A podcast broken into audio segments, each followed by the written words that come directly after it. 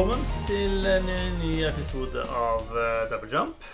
Eh, Jeg er Marit Kjørmo, og med som vanlig er Susanne Berget. Halloisen. Og Håvard Ruud. Halloisen. Det var en, eh, en la- lavmælt og tilbakelent eh, introduksjon og hilsen eh, fra det faste panelet i dag. Jeg føler kanskje burde vært litt mer futt, i og med at det er første dag av uh, pride-måneden.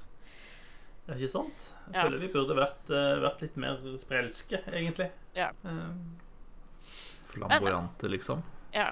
Ja, kanskje. Vi får eh, komme sterkere tilbake i neste episode, tenker jeg, med flamboyansen vår. Mm. Eh, Vi skal prate om litt forskjellige ting i dag. Vi pleier jo ofte å starte med ting vi har spilt. Eh, Så jeg tenkte kanskje vi skal starte med ting vi har sett isteden, da. Eh, Bare for å, å være litt eh, flamboyant. Eller i hvert fall uforutsigbar, som vi jo er kjent for å være her i Double Jump. Um, det er ting på TV. Jeg vet at Håvard har begitt seg ut i skumle farvann, Mm. blant annet. Ja, jeg har sett på noen rare greier. Fire. Ingen spoilers. spoilers. Please and thank you. Nei da. Jeg har sett vi skal ikke det. fire episoder, tror jeg. Så. Mm. Mm. Ja, Jeg, har har- jeg har sett, sett eh, null episoder av sesong fire. Så, og ja, vi, vi snakker om Stranger Things, hvis ikke folk skjønte Håvards rare greier. Eh, ja, Hvis man ikke skjønner norsk, så har man et dårlig utgangspunkt for å forstå denne podkasten. Um. Så Eh, st- står det rare greier hvis du har liksom Netflix-innstillingene på norsk. eh, Jeg tviler. Jeg tviler. jeg tviler. Jeg tviler. Jeg tviler. Mm. Ja. Nei, jeg har sett uh, de sju episodene som har kommet av Stranger Things sesong fire så langt. Eh, likte det veldig godt. Nå har jo blitt ilagt ganske streng munnkurv her, da.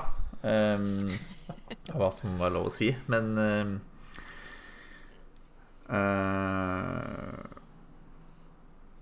jeg syns det er en god, god sesong uh, så langt.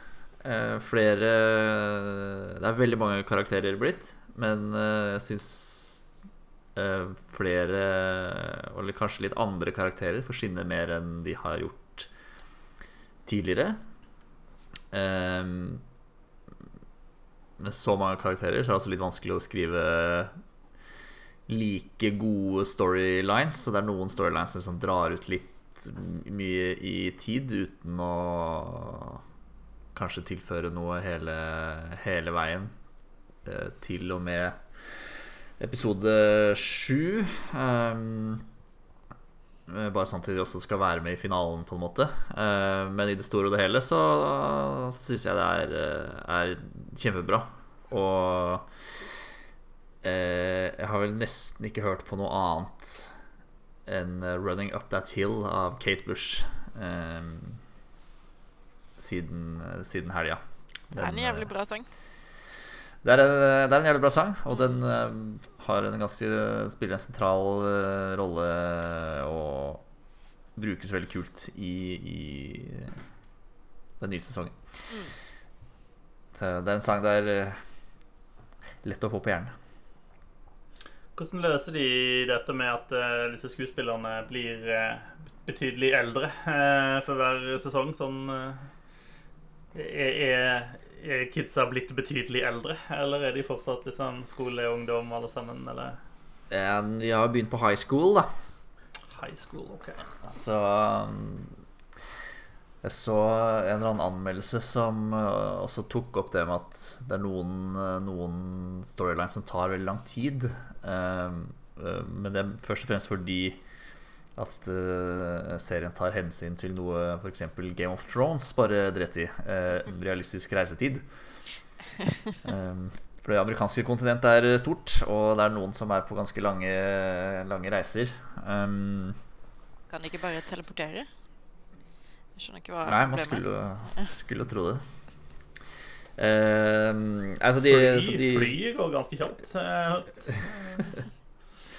de, men de later liksom ikke som at skuespilleren ikke er, eh, har vokst. Um, Det er jo bra. men jeg tenkte litt på det også fordi det som var så gøy med serien da den først kom, var jo at man syntes de, små barna var eh, var, var så morsomme, liksom. Som havna i de mysteriene som de, de var i. Um, så den uskyldigheten er jo kanskje litt uh, borte uten at de liksom Ja, jeg vet ikke helt hvor jeg egentlig er på vei um, nå. Det var, Men, men, eh, det var kanskje rom for å lage eh, litt mer uh, em, Altså litt mer sånn voksen fortelling ut av det da også. Altså, men Ja. der, er- der en dør lukkes, så åpnes kanskje et vindu, på en måte. Ja. Uh, denne sesongen har kanskje mer uh, sånn horrorelementer enn de tidligere sesongene har hatt. Uh, og det er også kanskje litt Det er jo også De utforsker litt mer personlighetene til de andre, eller person... Når man vokser opp uh, i, i tenåra, så utvikler man seg ganske mye.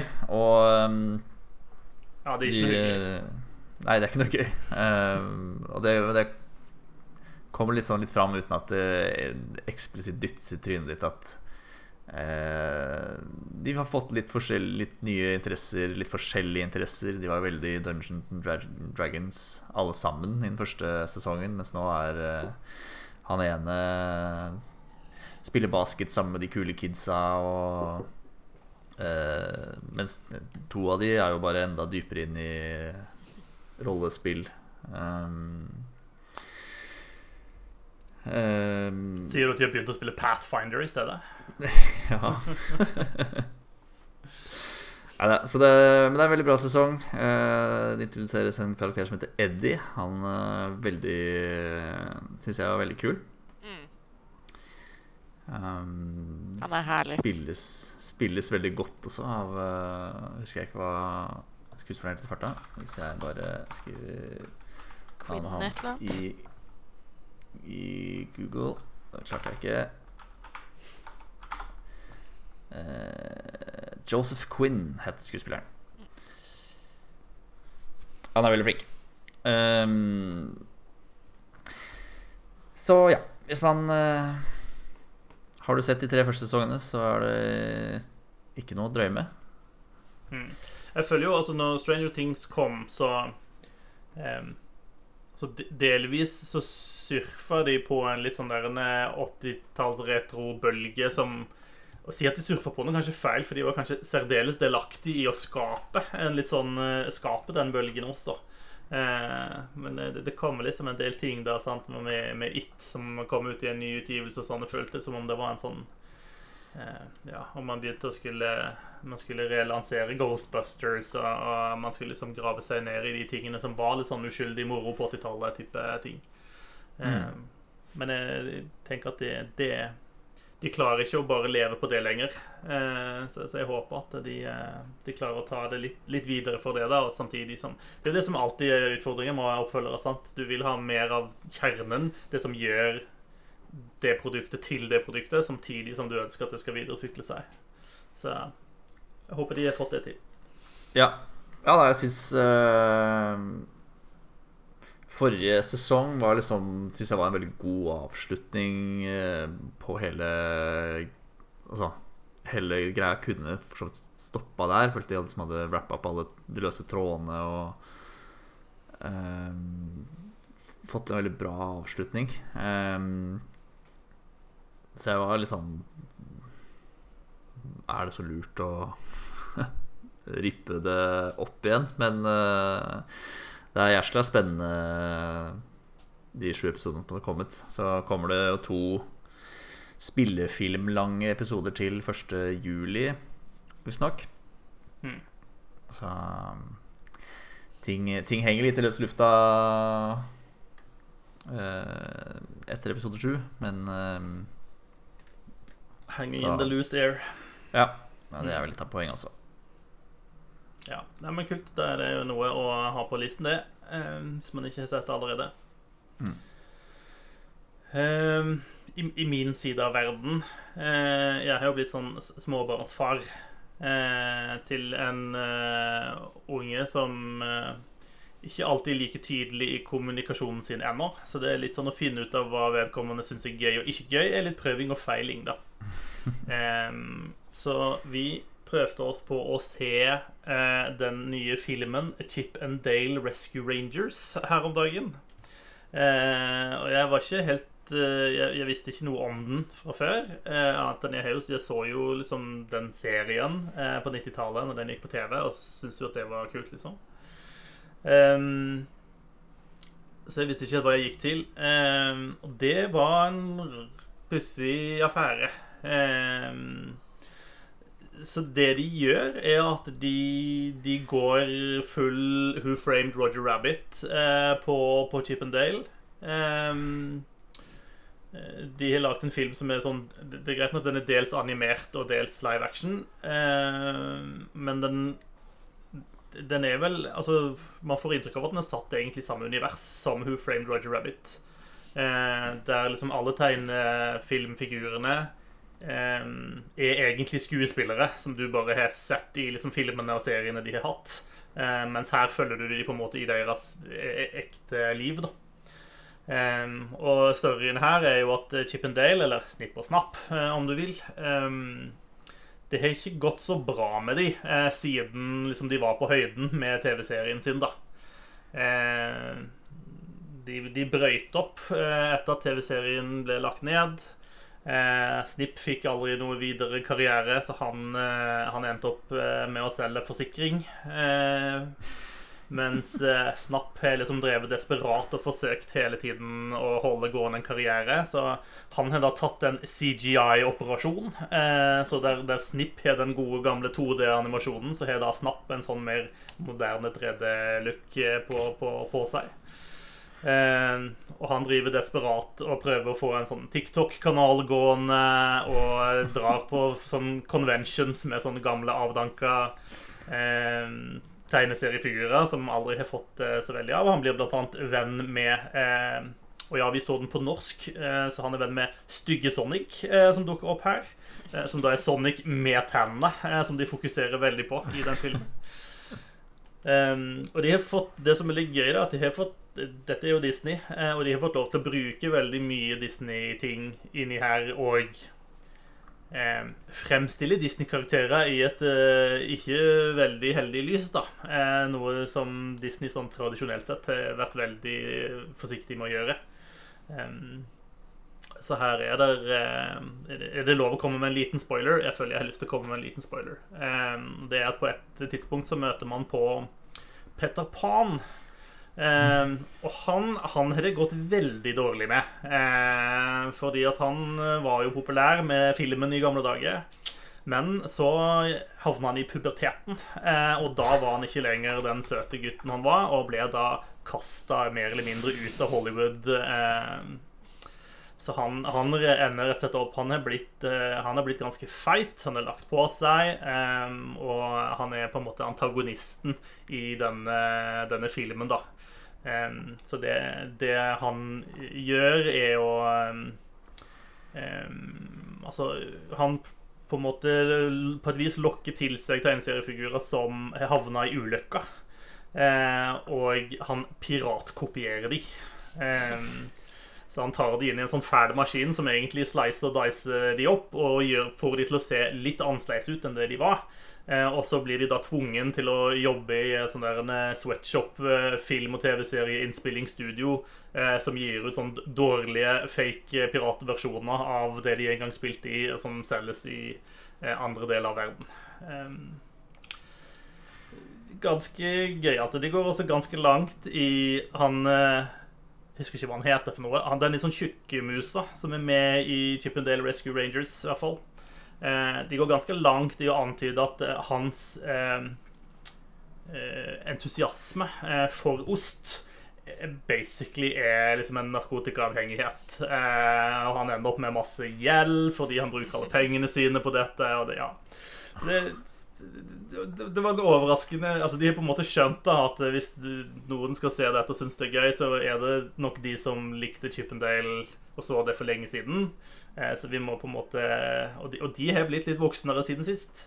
Eh, så de har på en måte prøvd da, å lage noe som er underholdende både for de som er barn i dag, men også for de som eh, de, de, som er blitt litt voksnere. Så jeg syns det var ganske fornøyelig. Altså, det er ikke hele gjennomføringa som er, er, perfekt, men uh, det er en del gode konsepter og gøyale ting inni der som er, er awesome. Um, og så er det veldig sånn 90-talls-retro. Uh, de driver og sånn, Plutselig så dukker det opp noen som samler på POG, f.eks. Altså sånn, de gjør sånne ting uh, hele veien. Som, ja. Så for barn av 90-tallet så er det mitt, mitt i Um, og utenom det så har jeg også sett ganske mye på Overwatch League, uh, som jo har hatt sin første de har jo delt sesongen opp i fire, uh, og de er på en måte ferdig med den første bolken. Det vil si de skal ha liksom uh, De skal ha liksom playoff-turneringen som avslutter den første bolken. Nå er det nå til helga eller neste helg. Det er i hvert fall nå ganske snart. The Kickoff Clash, som de har kalt det. Um, og det er en litt sånn kvasiløsning de har nå, hvor de har noen settinger hvor spillere sitter fysisk på samme sted og spiller mot hverandre med publikum, og så en del hvor man sitter hver for seg og spiller over nettet mot hverandre. Um, men også er det også fortsatt inndelt i to ulike regioner, som en har vestlige og østlige region. Eh, og sånn som i Kickoff Clash, så, skal, så, er de atskilt. Så man går på en måte en vinner på den ene sida og en vinner på den andre sida. Mens i neste og den siste så vil da disse flys sammen og møtes sammen. Eh, er, er nå i hvert fall planen. Eh, og så er det en del trøbbel med dette knytta til Kina, som fortsatt har ganske strenge lockdown-restriksjoner. Og ganske mange av de østlige lagene er stasjonert i Kina. Eh, så de sliter litt med hvordan de skal løse dette her. Så det, ser ut som at den neste Den første av de der de skal slå disse sammen, ender opp med å være på Hawaii i år, sånn som den var i fjor. Eh, for Hawaii er tydeligvis en sånn der, et covid-gråsone hvor alt er lov, eh, og alle kan møtes, eller noe sånt. Ja. Men jeg synes produksjonene er right. De sleit litt teknisk den, på åpningsdagen, eh, som de ofte gjør. Um, de har pælma ut noen av de gamle casterne.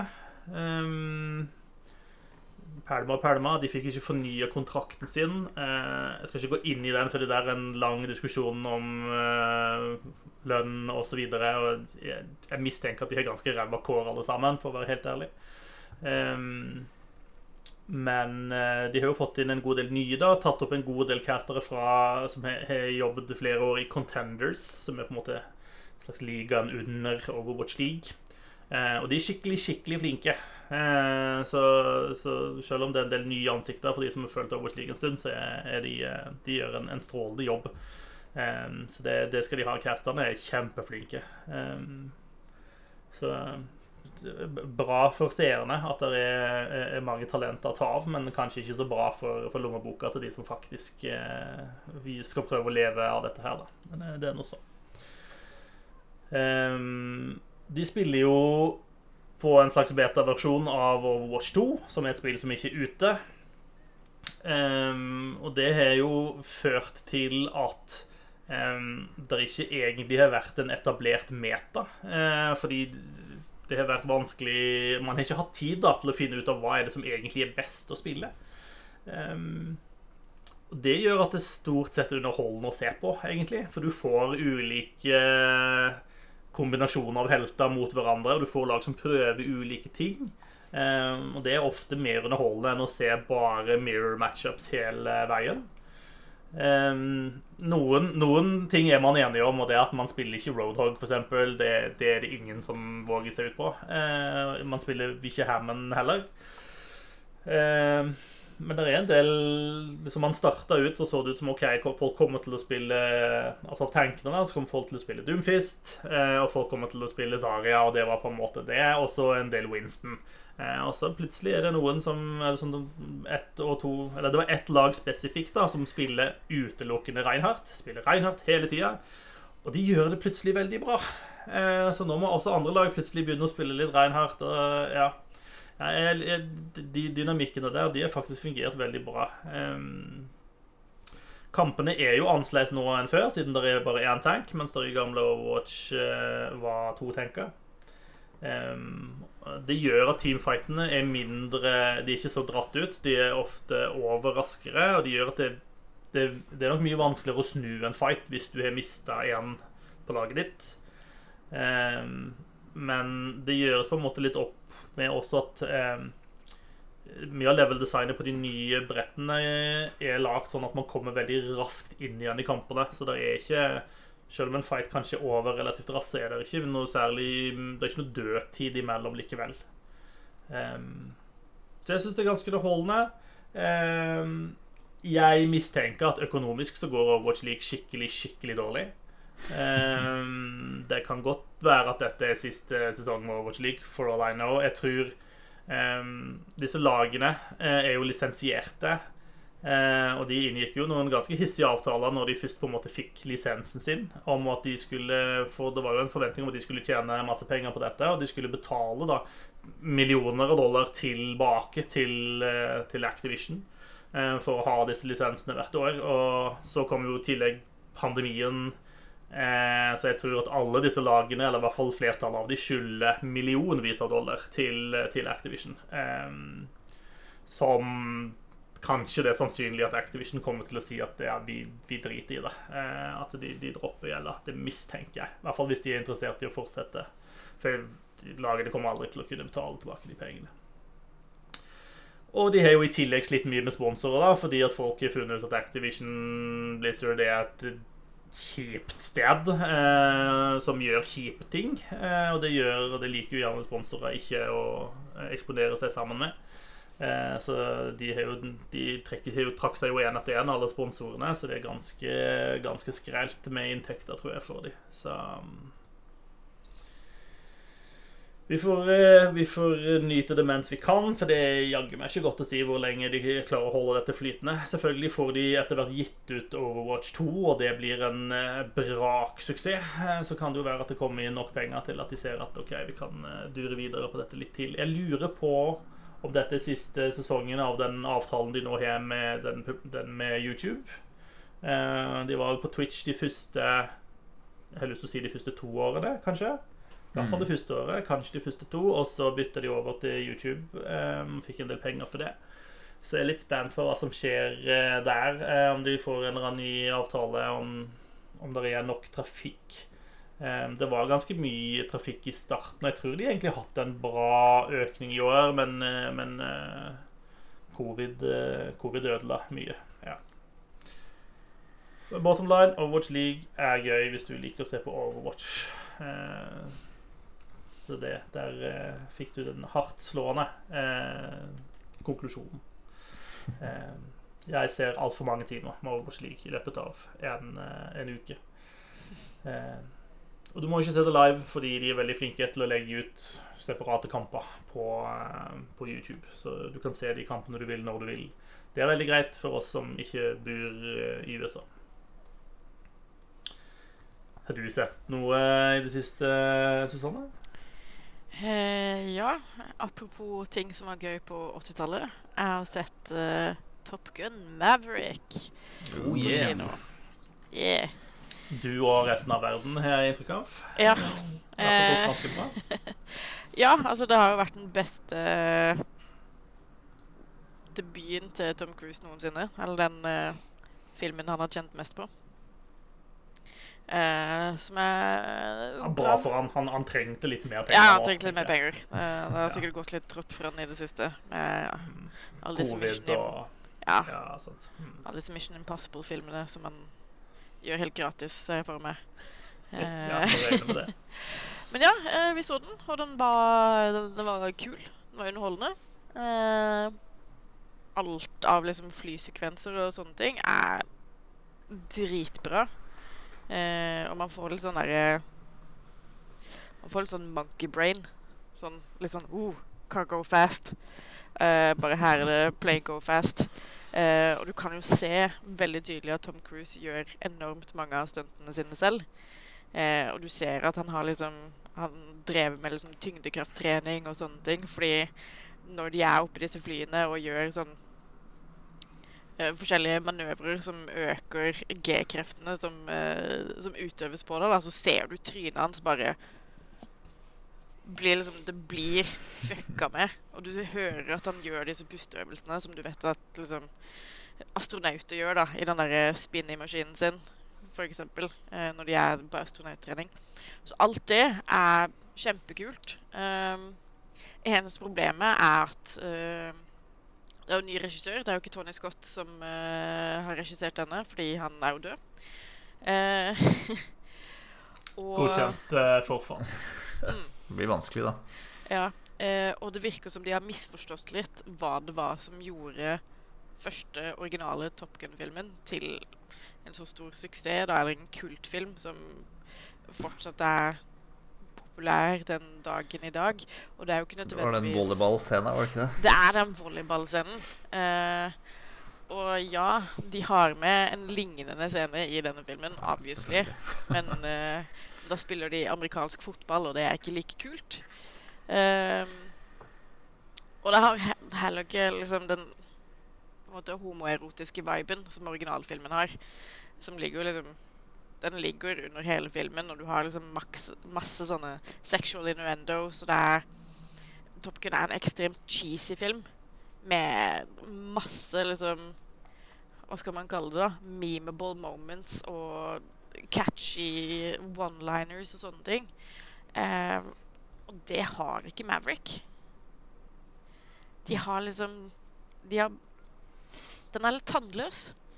Eh, den er litt for safe. Den satser litt for mye på, på action-biten av Top Gun, og ikke så mye på det som faktisk gjorde Top Gun gøy, da, som er alt det som er cheesy med den.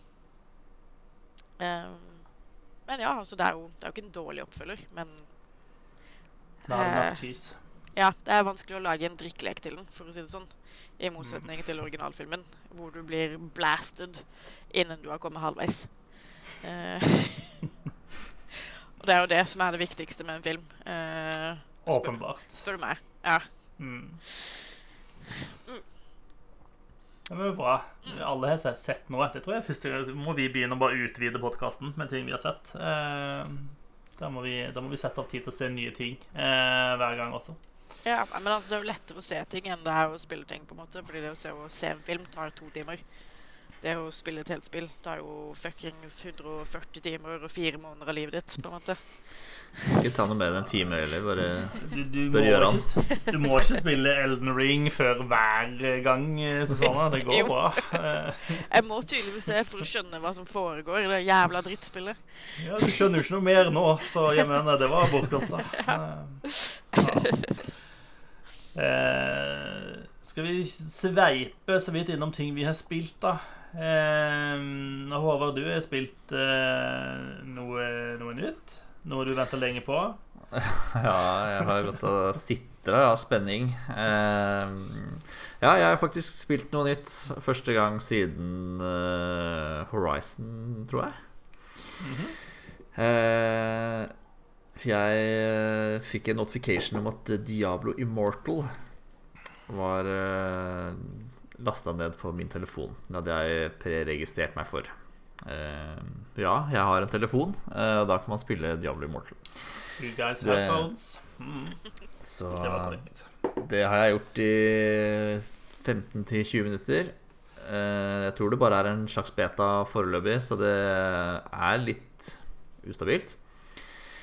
Um, så For man er jo kobla til en eller annen server, eller logga på en eller annen server um, som kaster meg ut uh, i tide og utide.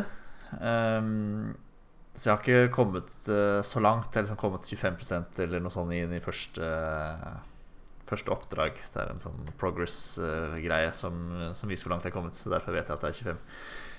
Um, men uh, styring og sånt syns jeg funker uh, fint.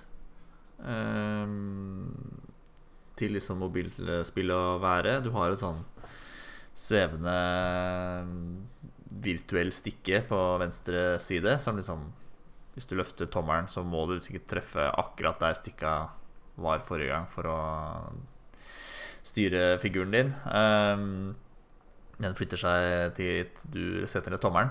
Uh, og så har du Er det fire knapper på høyre side som er til spells og abilities og, og sånn.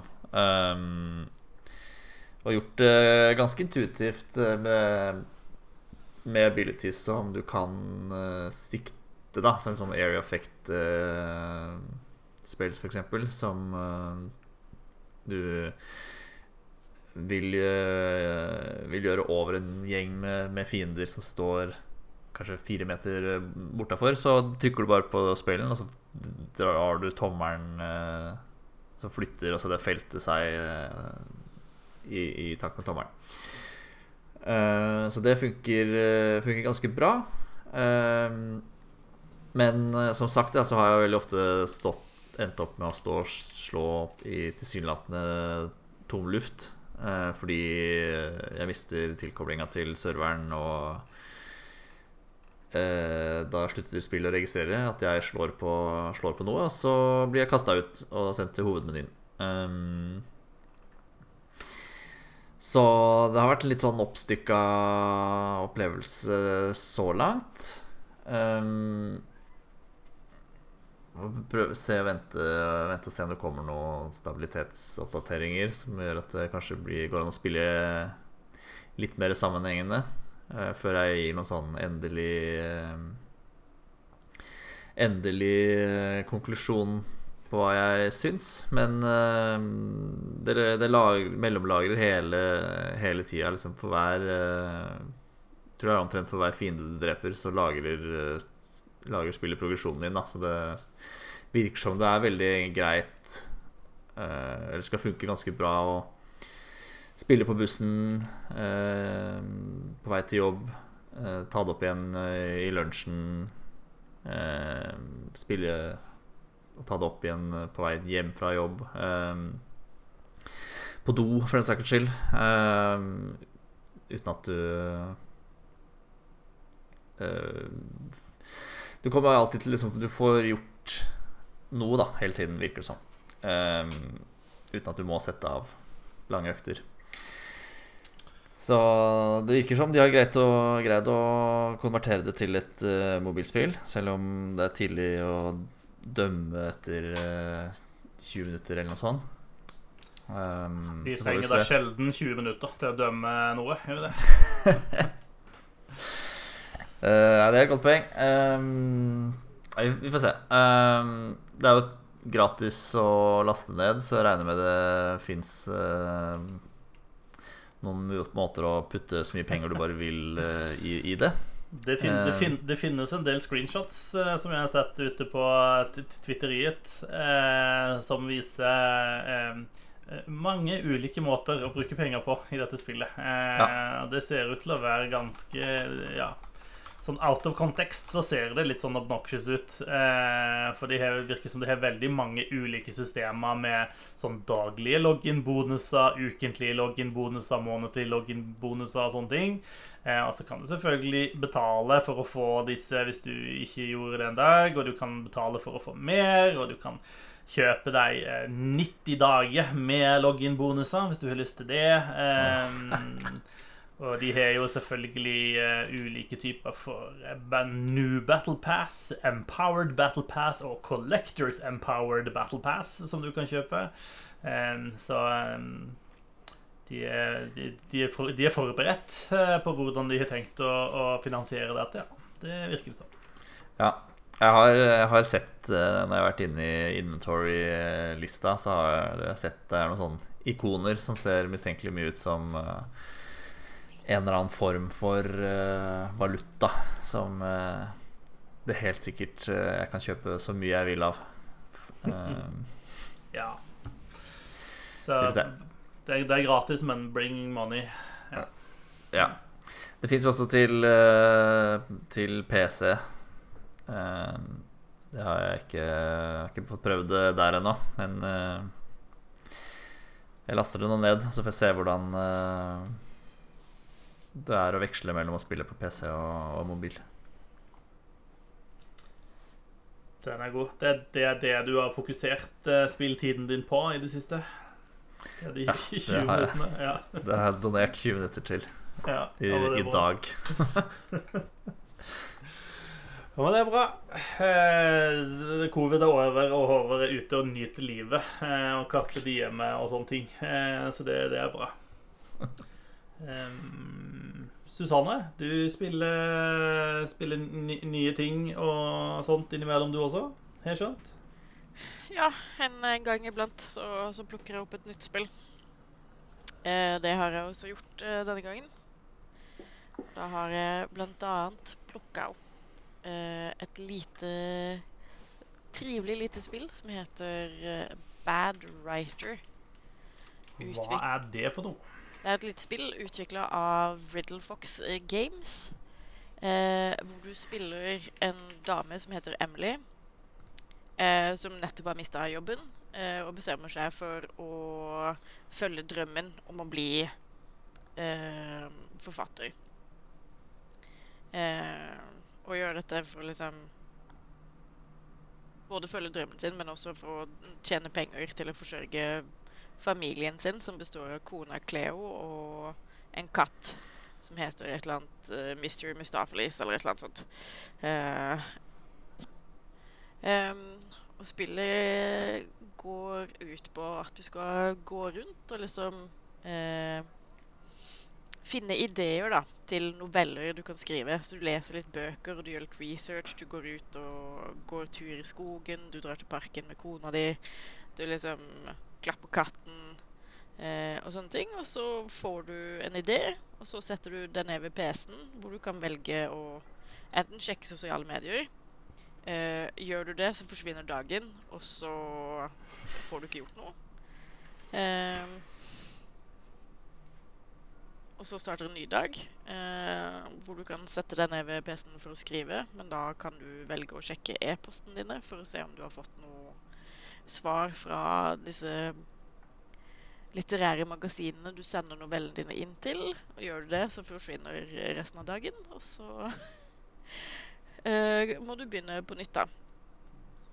Altså når du setter deg ned for å faktisk skrive en historie, så uh, får du bare beskjed om at ok, nå har du brukt to ideer. Du har skrevet en rar liten novelle som heter eh, Dragon Farts Power Society, eller et eller annet sånt.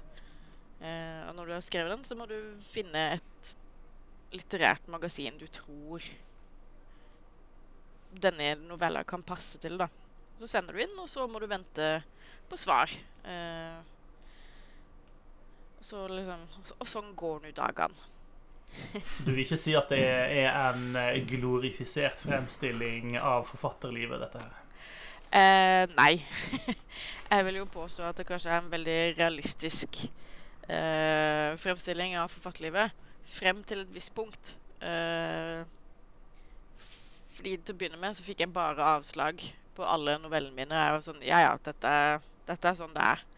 Eh, ikke noe nytt under sola her. Eh, men så solgte hun plutselig en novelle til et magasin. Og så solgte hun en til, og så solgte hun en til, og så solgte hun en til. Og så var jeg sånn Nei, vet du hva. Nå, nå føles det veldig urealistisk, så nå gidder jeg ikke å spille det mer. Eh, så da plukka jeg opp et annet spill uh, som heter uh, Turnip Boy Commits Tax Evasion. Det har du jo pratet om tidligere, at du hadde lyst til å spille. Ja. bare fordi jeg har sett tittelen, og det høres ut som min type spill. Eh, og det er et uh, lite sånn action, eventyr, eh, pikselert spill à la Iconfell, som vi spilte i bokklubben, eller spillklubben vår tidligere. I fjor, var det vel. Eh, som er utvikla av uh, Snoozy Kazoo. Og utgitt av Graffiti Games. Eh, og det går ut på at du er en liten turnip-boy eh, som går rundt og nekter å betale skatt eh, til den helt tydelig eh, korrupte løkordføreren. som styrer byen med jernhånd og har masse planer for hvordan han best skal utvikle eh, området og drive opp prisene på eiendommer og, og sånne ting. Og liksom eh, Sørge for at det blir flere eiendommer, sånn at han kan kreve, kreve inn mer eiendomsskatt, annet. Det er, et annet, det er et annet spill som handler om turnips og kapitalisme også. Eh, ja. ja. eh, det kan minne om eh, det, ja. Bare fra et litt annet perspektiv, vil jeg påstå. Men også dette spillet er fullt av liksom søte landsbyboere og, eh, som lever sine egne liv og har sine egne drømmer og mål. Og så må du gå rundt og snakke med dem og hjelpe dem. og og sånne ting. I tillegg til å liksom samle inn hatter og andre accessories for å gjøre denne turnipsen din eh, mer fashionable. Og så får du etter hvert eh, et sverd, blant annet, sånn at du kan hogge deg gjennom eh, eh gress som, ugress som står i veien. Så du kan komme deg videre, og så kan du drepe snegler med det, og kjempestore griser som har spist seg megasvære på gjødsel av en eller annen grunn. Eh, og litt sånne ting. Um, også så klart uh, fortsette å la være å betale skatt. For det er liksom en gjennomgående tråd i, um, i hele spillet. Hver gang uh, noen nevner at uh, du burde betale skatten din, og så gir de deg en item etter det, så river du den bare i stykker, og så går du videre til liksom, neste person, neste oppgave. Ja, det er en sånn der en eh, høyre-radikal politisk uh, statement bak her. 'Taxation is theft'. Uh. Uh, ja. på en måte, men jeg, jeg, vil jo påstå at det spillet nok kanskje er mer venstrevidd enn høyrevridd, fordi det går jo ut på at overklassen, eller de som har makta, skatter de svake i samfunnet mer enn det som er normalt og lovlig og riktig. Eh, så det er jo et opprør mot uh, the man, uh, for å si det sånn, og er noe helt annet enn uh, når uh, godeste Jeffy og Old Musky lar være å betale skatt, på en måte. Riktig. Ja, mm. Nei, det, det, det så litt for søtt ut til å liksom være sånn right wing-propaganda, tenkte jeg, det spillet. Ja, altså, det er kjempetrivelig. Musikken er veldig koselig, og det er liksom eh, omgivelsene er fine, og liksom de, karakterene er altfor søte. De er langt søtere enn de har noe rett å være. Eh, og det er liksom bare et himla trivelig spill, da. Eh, jeg, har, jeg, har, ikke spilt så kjempemye. Jeg har spilt en halvtime ish. Um, men jeg ser for meg at jeg kommer til å spille, spille det mer, da. Bare fordi jeg har kost meg såpass mye i den lille det, halvtimen. Det høres bra ut. Eh, er det andre ting du har gitt en liten halvtime i det siste? Det er det. Eh, jeg fikk en melding tidligere i dag av Andreas Hedman fra nederlandslaget. Eh, hvor han skrev basically all caps at jeg måtte spille noe som het Citizen Sleeper. Hvis jeg ikke allerede hadde gjort det. Fordi det var i bunn og grunn Disco Elysium bare i rommet. Eh, Nei, og jeg trengte for så vidt ikke å vite noe mer enn det. det. Disco Elysium er jo et spill som blåste sokkene av meg når jeg endelig fikk eh, somla meg til å spille det. Og det ble jo kåra til årets spill i double jump. Uh, det året det kom Har ikke sett de sokkene siden? Nei. uh, så jeg lasta den ned, fordi både det og Turnip Boy er gratis nå på GamePass. Så det er egentlig bare å hive seg over det. Uh, Lasta ned. Uh, valgte en karakter. Uh, tenkte jeg skulle velge litt motsatt av det jeg gjorde i Disco Elysium, hvor jeg satsa på rå styrke og og sjarm, kanskje, framfor intelligens. Og det Ja, det, det, gikk jo ikke så, så bra. Uh, så jeg har valgt å gå for en litt mer Ja, en litt mer intelligent karakter uh, denne gangen. Uh, men det går ut på at du våkner opp i en container. Kroppen du våkner opp i, er egentlig ikke din. Fordi du er en slags sleeper. Altså du har solgt den faktiske kroppen din til et uh, selskap uh, på en eller annen planet. Uh, og nå eksisterer du bare som en emulering da, av ditt eget sinn i en maskinkropp. Men du og en rekke andre er lei av å jobbe dere til døde for disse selskapene. Og gjøre masse slitsomt manual, manuelt arbeid og liksom ikke har noen rettigheter eller blir sett på som eh, en juridisk person, da. Så du og de har valgt å rømme. Eh, og foreløpig så vet du ikke om kompisen din har overlevd. Eh, så du våkner opp på en romstasjon som heter Erlins Eye. Eh, hvor du da må prøve å liksom finne ut av ting, da. Altså hva er denne romstasjonen for noe? Eh, hva trenger du for å overleve nå som du ikke har tilgang på teknologien og medisinene som det selskapet som eier deg, ga deg for at kroppen din skulle holde seg i gang? Eh, for de har noen sånne failsafes som gjør at når disse sleeper, sleeperne rømmer, eh, så blir eh, kroppen deres og liksom maskinvaren og programvaren blir utdatert og slår seg av etter hvert. Eh, sånn at de blir nødt til å komme tilbake for å kunne fortsette å leve, da. De, slutt, de slutter å patche deg, rett og slett? Jepp. Rett og slett. Eh, så du må finne ut av en måte å holde deg i live på. Så du har liksom en, en bar for eh, hva slags condition kroppen din er i. Eh, og så har du et, et sett med liksom tror det er fem forskjellige terninger som du kan bruke til å gjøre actions, akkurat som i i Disco Elysium. Og liksom utfallet av disse terningene eh, bestemmer hvor bra eller dårlig du utfører oppgaven din, og hva liksom resultatet blir, og eventuelt belønning eller straff blir for å feile de her eh, eh, checksene, da.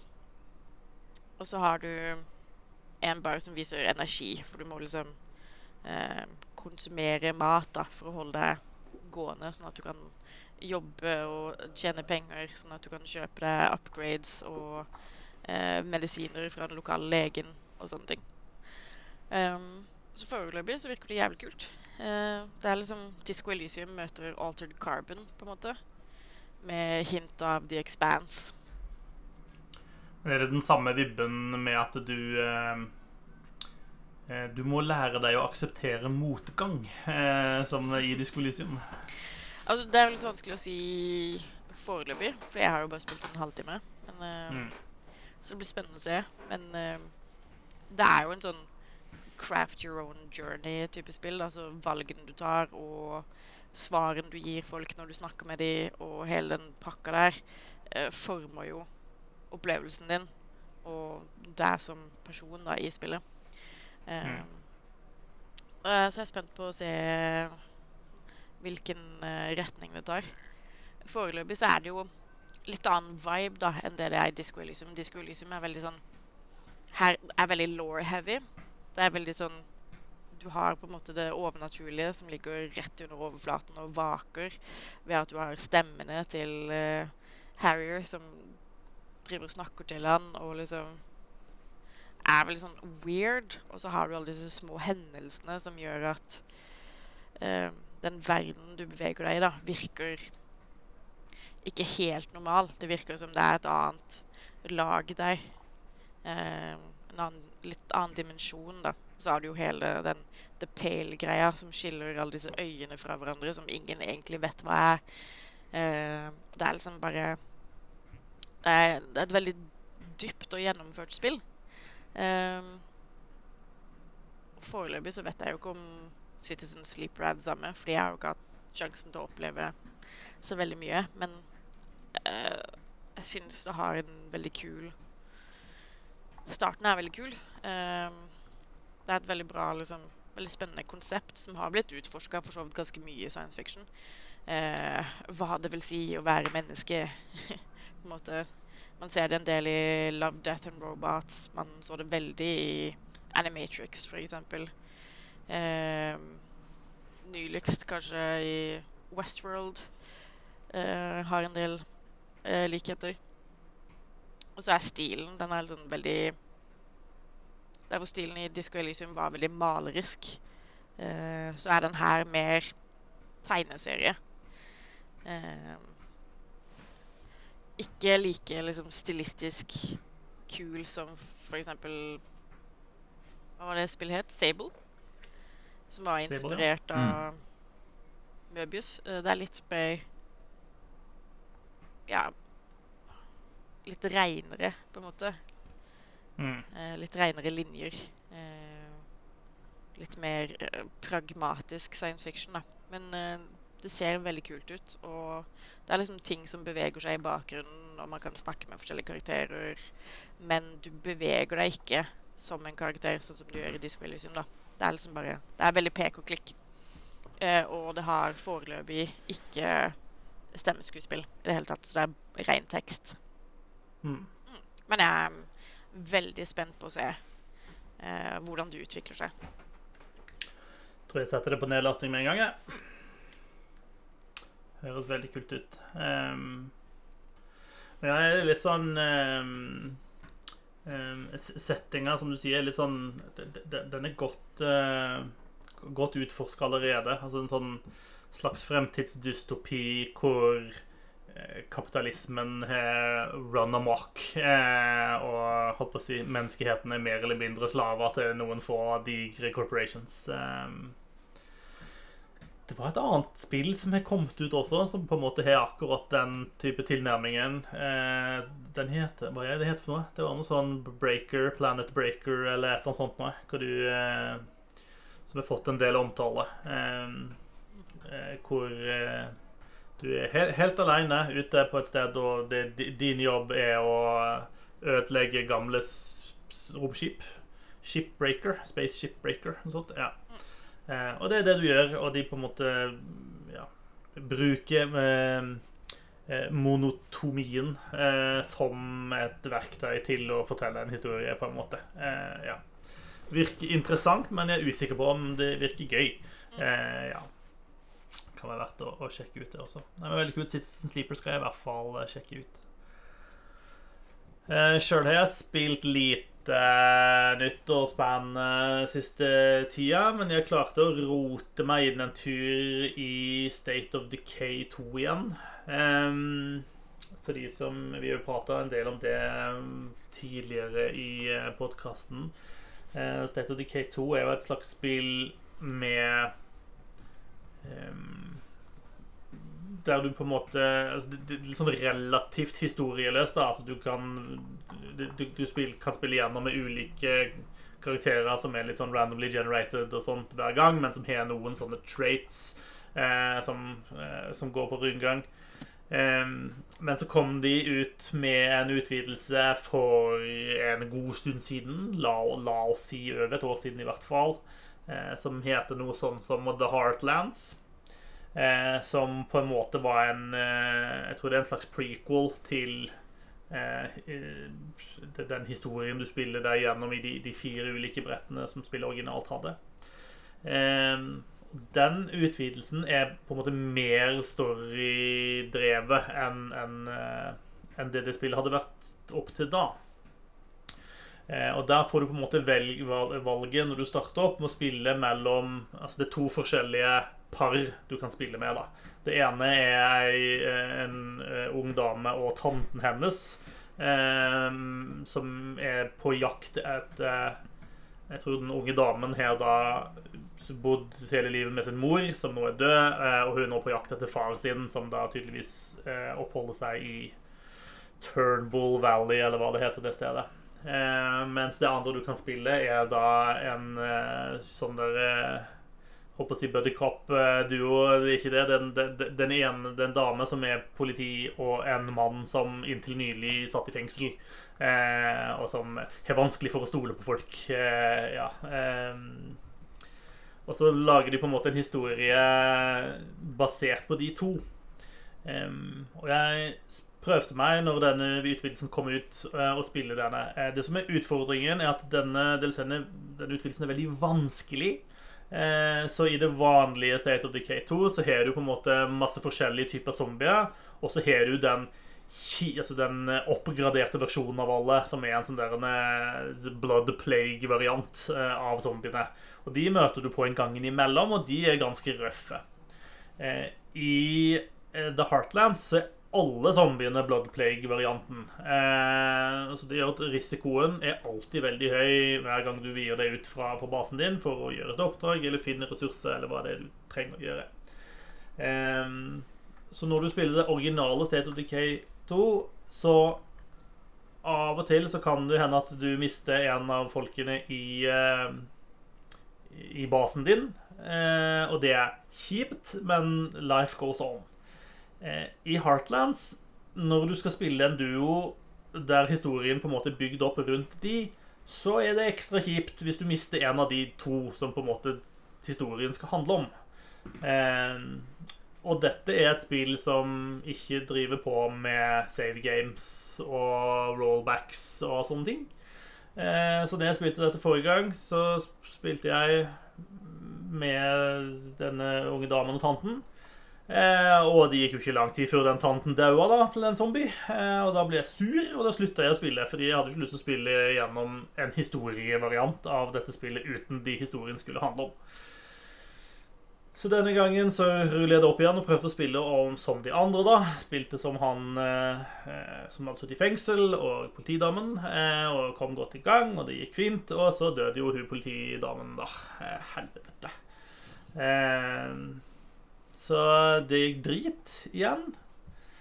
Um, så nå har jeg lasta ned spillet på PC, uh, eh, og jeg har tenkt til å fuske. Uh, for å sikre meg at jeg skal komme gjennom den forbanna historien med de to personene levende. Uh, så får vi se hvordan det går. men that's my plan. Eh, og så har det også kommet på en måte en, en tredje, en, en, ekstra utvidelse etterpå som jeg ikke har prøvd ennå. Men jeg vet ikke om den er så veldig stor i tung, eller om den er mer en sånn type horde mode-aktig variant. Det jeg har tenkt å finne ut av når jeg en eller annen gang klarer å fullføre den forbanna Heartlands-scenarioet, eh, og få se hvordan, eh, hvordan, dette går til. Så det har jeg drevet på med. Eh, frustrasjon, rett og slett. Ja. Kanskje det er mer løkk med Citizen Sleeper til neste gang. Kan man jo håpe. Vi kaster oss på litt nyheter. Håvard, jeg spurte deg rett før sending Er det noe Pokémon-greier som skjer, eller syns det er mye Pokémon uh, i, uh, i, mine sosiale medier om dagen? Uh, masse bilder av noe sånn hot and sexy Pokémon professors. Hva, hva er greia? Eh, det har kommet en uh, trailer for de nye Pokémon-spillene. Uh, Pokémon Scarlet og Pokémon Violet, som jeg tror det ble teasa for en liten stund siden. Mm. Men nå har vi fått en ordentlig fullverdig trailer, og det ser ut som Pokémon, det. Ja. Jeg, jeg har ikke så mye mer å si uh, fra de nye professorene ser uh, heite ut. Uh, så vidt jeg skjønner, kan man spille fire stykker sammen. Uh, som jo er en nyhet. men ellers så ser det ut som et nytt Pokémon-spill med litt nye monstre og Mer av de gamle monstrene. Så mer Pokémon der, altså. Ja. Jeg tror det er en grei oppsummering, eh, egentlig. Mer Pokémon med heite professorer. Det høres ut som et skritt i riktig retning, det, da. Det gjør jo det. det, gjør ja. det. Um, Star Wars Jedi Survivor eh, er oppfølgeren til Og nå må dere hjelpe meg, hva het det forrige? Star Wars Jedi Jeg føler, jeg føler dette burde sitte. Eh, Respawn sitt eh, Star Wars Jedi Fallen Order het Fallen selvfølgelig det forrige spillet. Ja, det var ganske bra, det. Det var ganske bra. Eh, det, det er det nærmeste et sånn Soulsborne-spill jeg har på en måte spilt gjennom og syns var OK. Og så sier jeg ikke at det egentlig er et Soulsborne-spill, men det er det nærmeste. Ja. eh, men eh, Star Wars Jedi colon Survivor eh, blir aldri helt komfortabel med at det heter Star Wars Jedi colon, eh, og ikke Star Wars colon, men OK. Eh, det er blitt annonsert at det kommer i 2023. eh, til PlayStation 5, Xbox Series X og eh, PC. Eh, og det er publisert en eh, lita teaser-trailer der vi får se Carl Kestis, eh, som eh, dukker opp igjen, tydeligvis, da, i, eh, i oppfølgeren. Ehm, jeg, jeg er klar, jeg. Vil gjerne ha mer, eh, mer av dette. Absolutt. Ehm, og jeg lurer litt på om de driver og um, samkjører litt med litt sånn TV-serier og sånt som driver og går nå i Star Wars-universet. Um, der er jo eh, blant annet noen sånne sisters eh, som eh, Uten å spoile for meget eh, Det var vel noe sånt i Fallen Order, og det har dukket opp noen sånne i noen TV-serier lately også. Ehm, så jeg lurer på om det er noe crossover-tankeganger et eller annet sted. Ja. Ikke utenkelig. Kanskje får vi se noen andre gamle helter i, uh, i Survivor. Vi får se. Um, 2023. Vi får glede oss. Jeg tror det blir mye bra spill i 2023. Eh, siden alle de gode spillene i 2022 som skulle komme etter februar, eh, har blitt utsatt til neste år. Eh, Ja, Vi får jo håpe det, da, fordi jeg syns 2022 har vært ganske kjedelig så langt. ja. Det, du har ikke brukt 140 timer på Elden Ring, da, så du har jo det foran deg å glede deg til. Ja, Det er jo et alternativ, selvfølgelig. Ja. Eller bare spille de samme spillene igjen og igjen. Det er alltid et uh, alternativ, det. Um, og så har jeg ikke klart å ta opp nyhetssaken til det jeg skulle prate om, så det er jo alltid bra. Uh, men det er i hvert fall annonsert at uh, det kommer en TV-serie av uh, Horizon Zero Dawn. Mm. Det kan man like. Ja, det man er, gjør det er i hvert fall potensial for noe bra, da.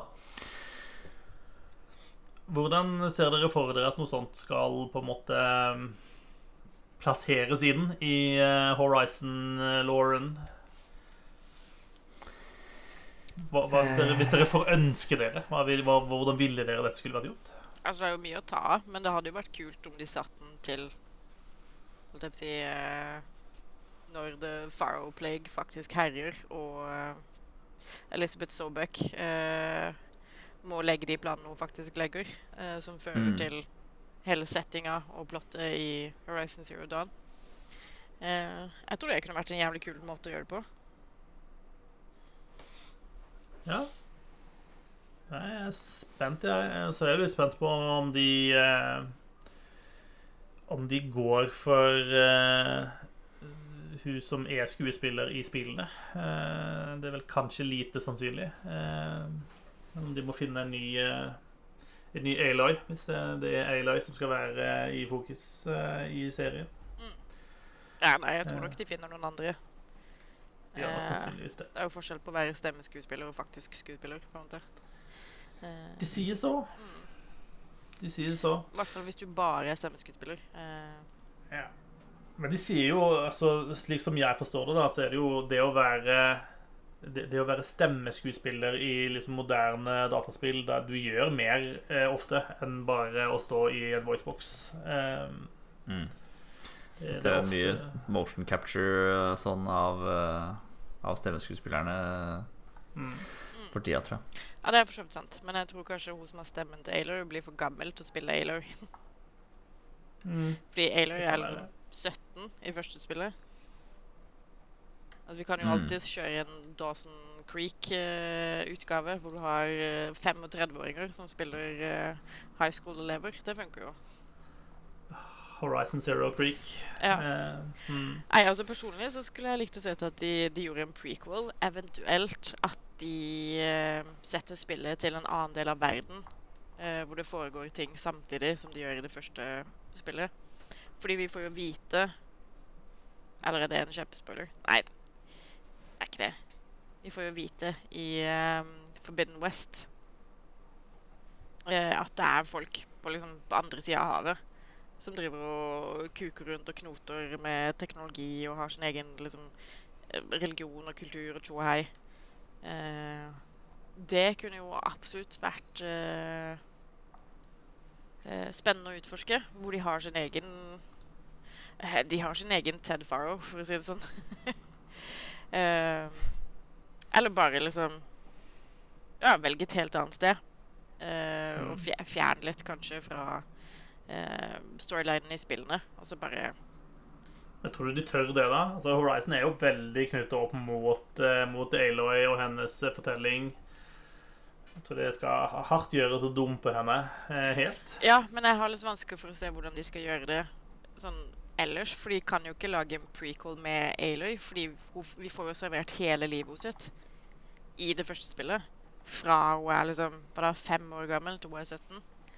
Eh, skal de ta det før Før hun fyller fem, da? Og hva hun driver med da? Det blir ikke jævlig spennende, for å være helt ærlig. Baby Aloy. Jeg kan jeg vel sette den serien. Ja. Og eh, Forbidden West er jo satt rett etter Horizon, altså Zero Dawn, mer eller mindre. Det går kanskje seks måneder imellom. Du kan så klart sette TV-serien til de seks månedene imellom der, men vi vet jo på en måte allerede hva som skjer i de seks månedene. Mm. Uh, så da er jo alternativet å eventuelt sette det etter Forbidden West. Men jeg er jo ganske sikker på at det kommer et spill til. Fare for det. Ja, Så da må de eventuelt lage en TV-serie som knytter Forbidden West og neste spill sammen, da.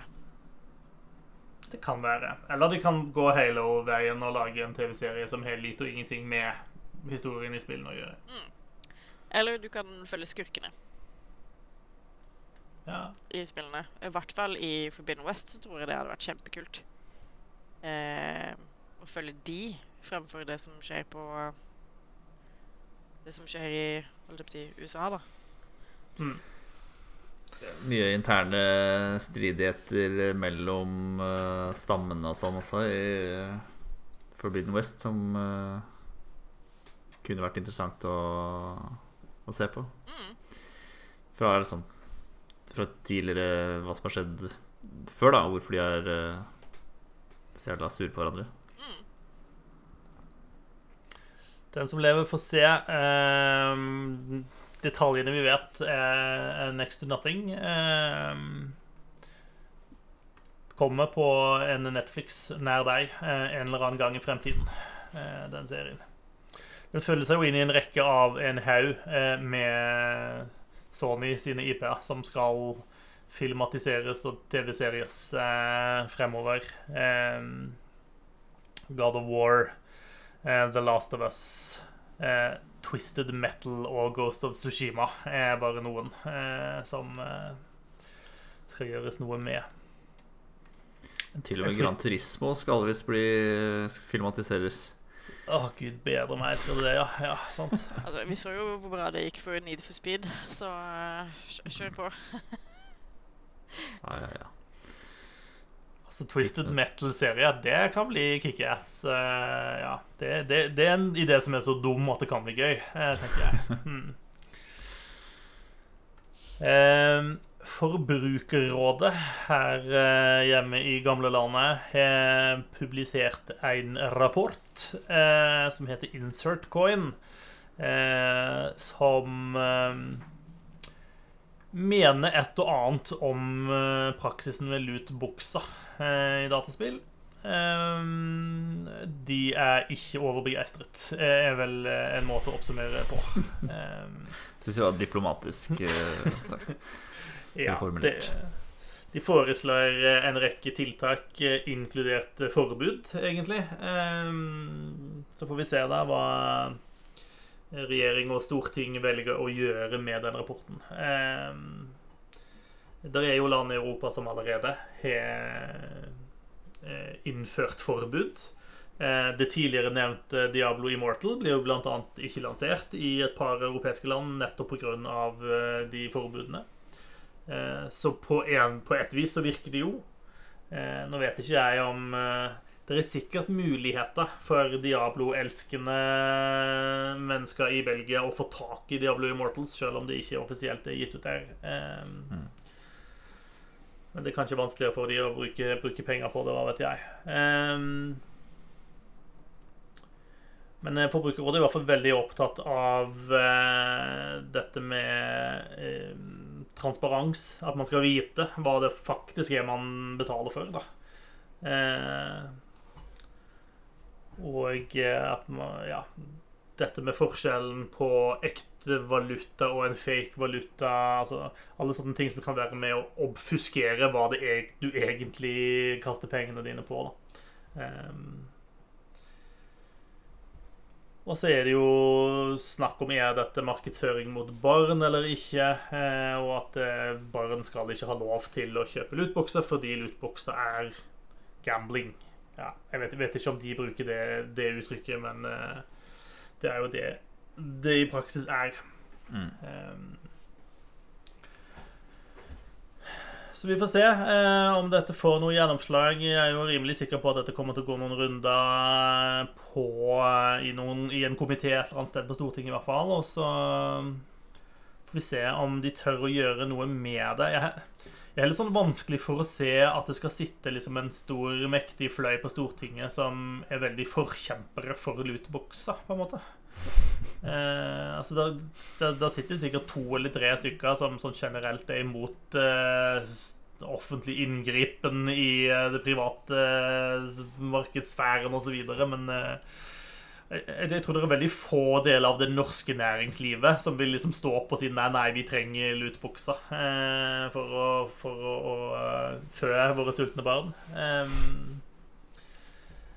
så det vil nesten overraske meg om ikke det, dette medfører at det kommer noen tiltak. Eh, jeg vil jo tro at hvis land som Belgia kan gjennomføre dette, sånn med tanke på EU-lovgivning og sånn, så bør Norge også kunne det. Så sett i gang, eh, people. Eh, Jonas, eh, do, do your damn duty. Yes.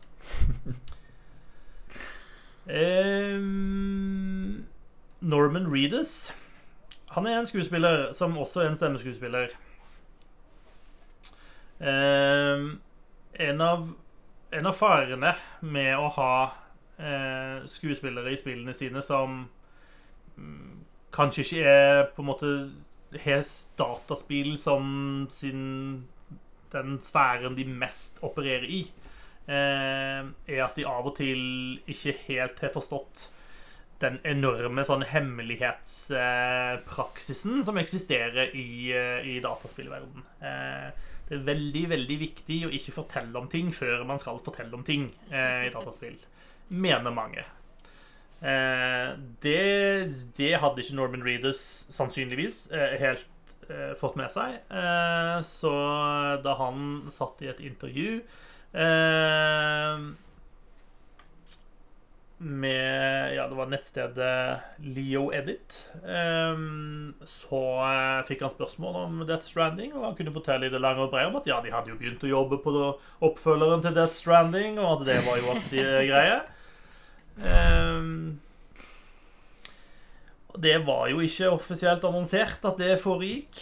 Um, Kojima svarte litt sånn gøyalt med å poste noe Twitter-bilde av seg sjøl med et digert balltre. Eh, og signaliserte litt at nå, nå blir det juling, eh, Norman. Eh, de gjorde jo en litt sånn artig sak ut av det, da. Eh, det skal de ha. Eh, men jeg syns jo også det er litt sånn med å sånn der, Hvorfor hva, hva, gjør det? Altså kommer, kom, kom dette til å skade utviklingen og det potensielle fremtidige produktet som de holder på å, å jobbe med? De, de, gjør jo ikke det. Nei.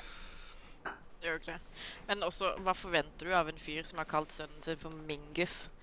Eh, det lurer jeg på. Mingus Readers? Yep.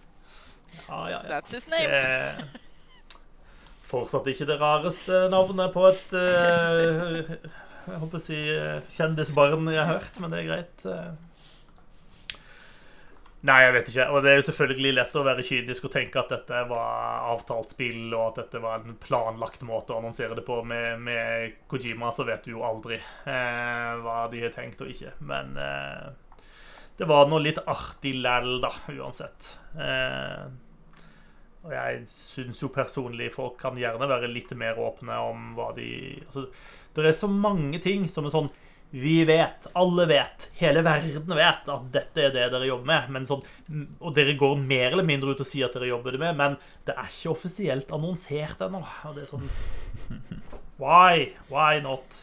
Jeg skjønner at det er vanskelig å gå ut med detaljer fordi man er i en kreativ prosess og man kan ende opp med å skape forventninger som man da ikke leverer på fordi man har gjort endringer i prosessen. Jeg skjønner den tingen, Men å ikke kan kunne fortelle om at ja, vi jobber med dette Eh, det syns jeg er veldig pussig.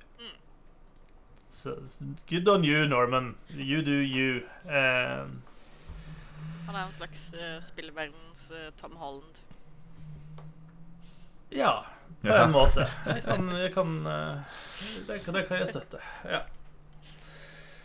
Eh, vi nærmer oss slutten av denne sendinga. Vi har holdt på mer enn lenge nok. Eh, men eh, E3 er jo a thing of the past. Det er noe vi ikke driver på med lenger. Eh, men det betyr jo ikke at eh, denne sommeren kommer til å være fri for eh, spillnyheter og avsløringer og show av den grunn. Det er nemlig ikke så lenge til Summer Gamefest kicks off.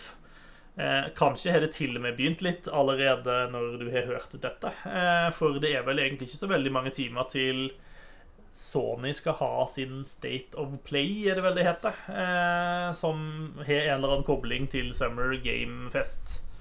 Eh, den er nå, nå, i morgen kveld, kanskje, på innspillingstidspunkt. Eh, og det store showet til, eh, til Jeff Keeley, da, som, som, heter Summer Game Fest, det skal sparkes i gang 9.6, torsdag, eh, fra klokka åtte norsk tid. Um, og da tenkte vi rett og slett vi skulle gå live og co-streame dette. Så hvis du har lyst til å være med, med oss eh, og se det, så sleng deg gjerne på. Eh, Twitch-kanalen vår. Eh, der kommer vi til å sitte og henge ut. Eh, vi kommer sikkert til å konsumere noe god drikke. Se på spilltrailere og ha det moro. Så der er det bare å, å kaste seg på. Og så en stund seinere, jeg tror da vi da kom til 12. juni, så skal jo da Xbox ha sin Eller Microsoft skal ha sin Xbox og Bethesda-event. Eh, det blir gøy. Da kan vi samles for å se alle spillene vi ikke kommer til å få i år. Eh, det blir fint. Eh, nei da, de skal sikkert eh, avsløre noen kule ting der også, for all det. Eh, og det er et par andre events også som ikke så like spennende ut, eh, som, som, er en del av en sånn, den slags eh, ja, spillfestivalen som de holder på med. Og det er jo også andre event som kommer gjennom sommeren. Jeg tror Electronic Arts skal ha et eller annet på et eller annet tidspunkt. Eh, og det, det, det er flere sånne ting som skjer, som en erstatning for at man ikke har E3, som en gang var der all the news kom. Så det er bare følge med utover sommeren, men bli gjerne med torsdag 9.6. Da, da skal vi ha det show og spas. Mm. Og med det så tror jeg vi sier at vi gir oss eh, for nå. Og så er vi tilbake med Summer Gamefest eh, når det er på trappene. Um, takk for at du hørte på og var med oss, uh, eller kanskje til og med så oss, uh, hvis du har slik en Twitch-tilgang. Uh, på gjensyn, gjenhør om en liten stund, og ligg under lutboksene inntil videre. Hei så lenge. Ha det, bader.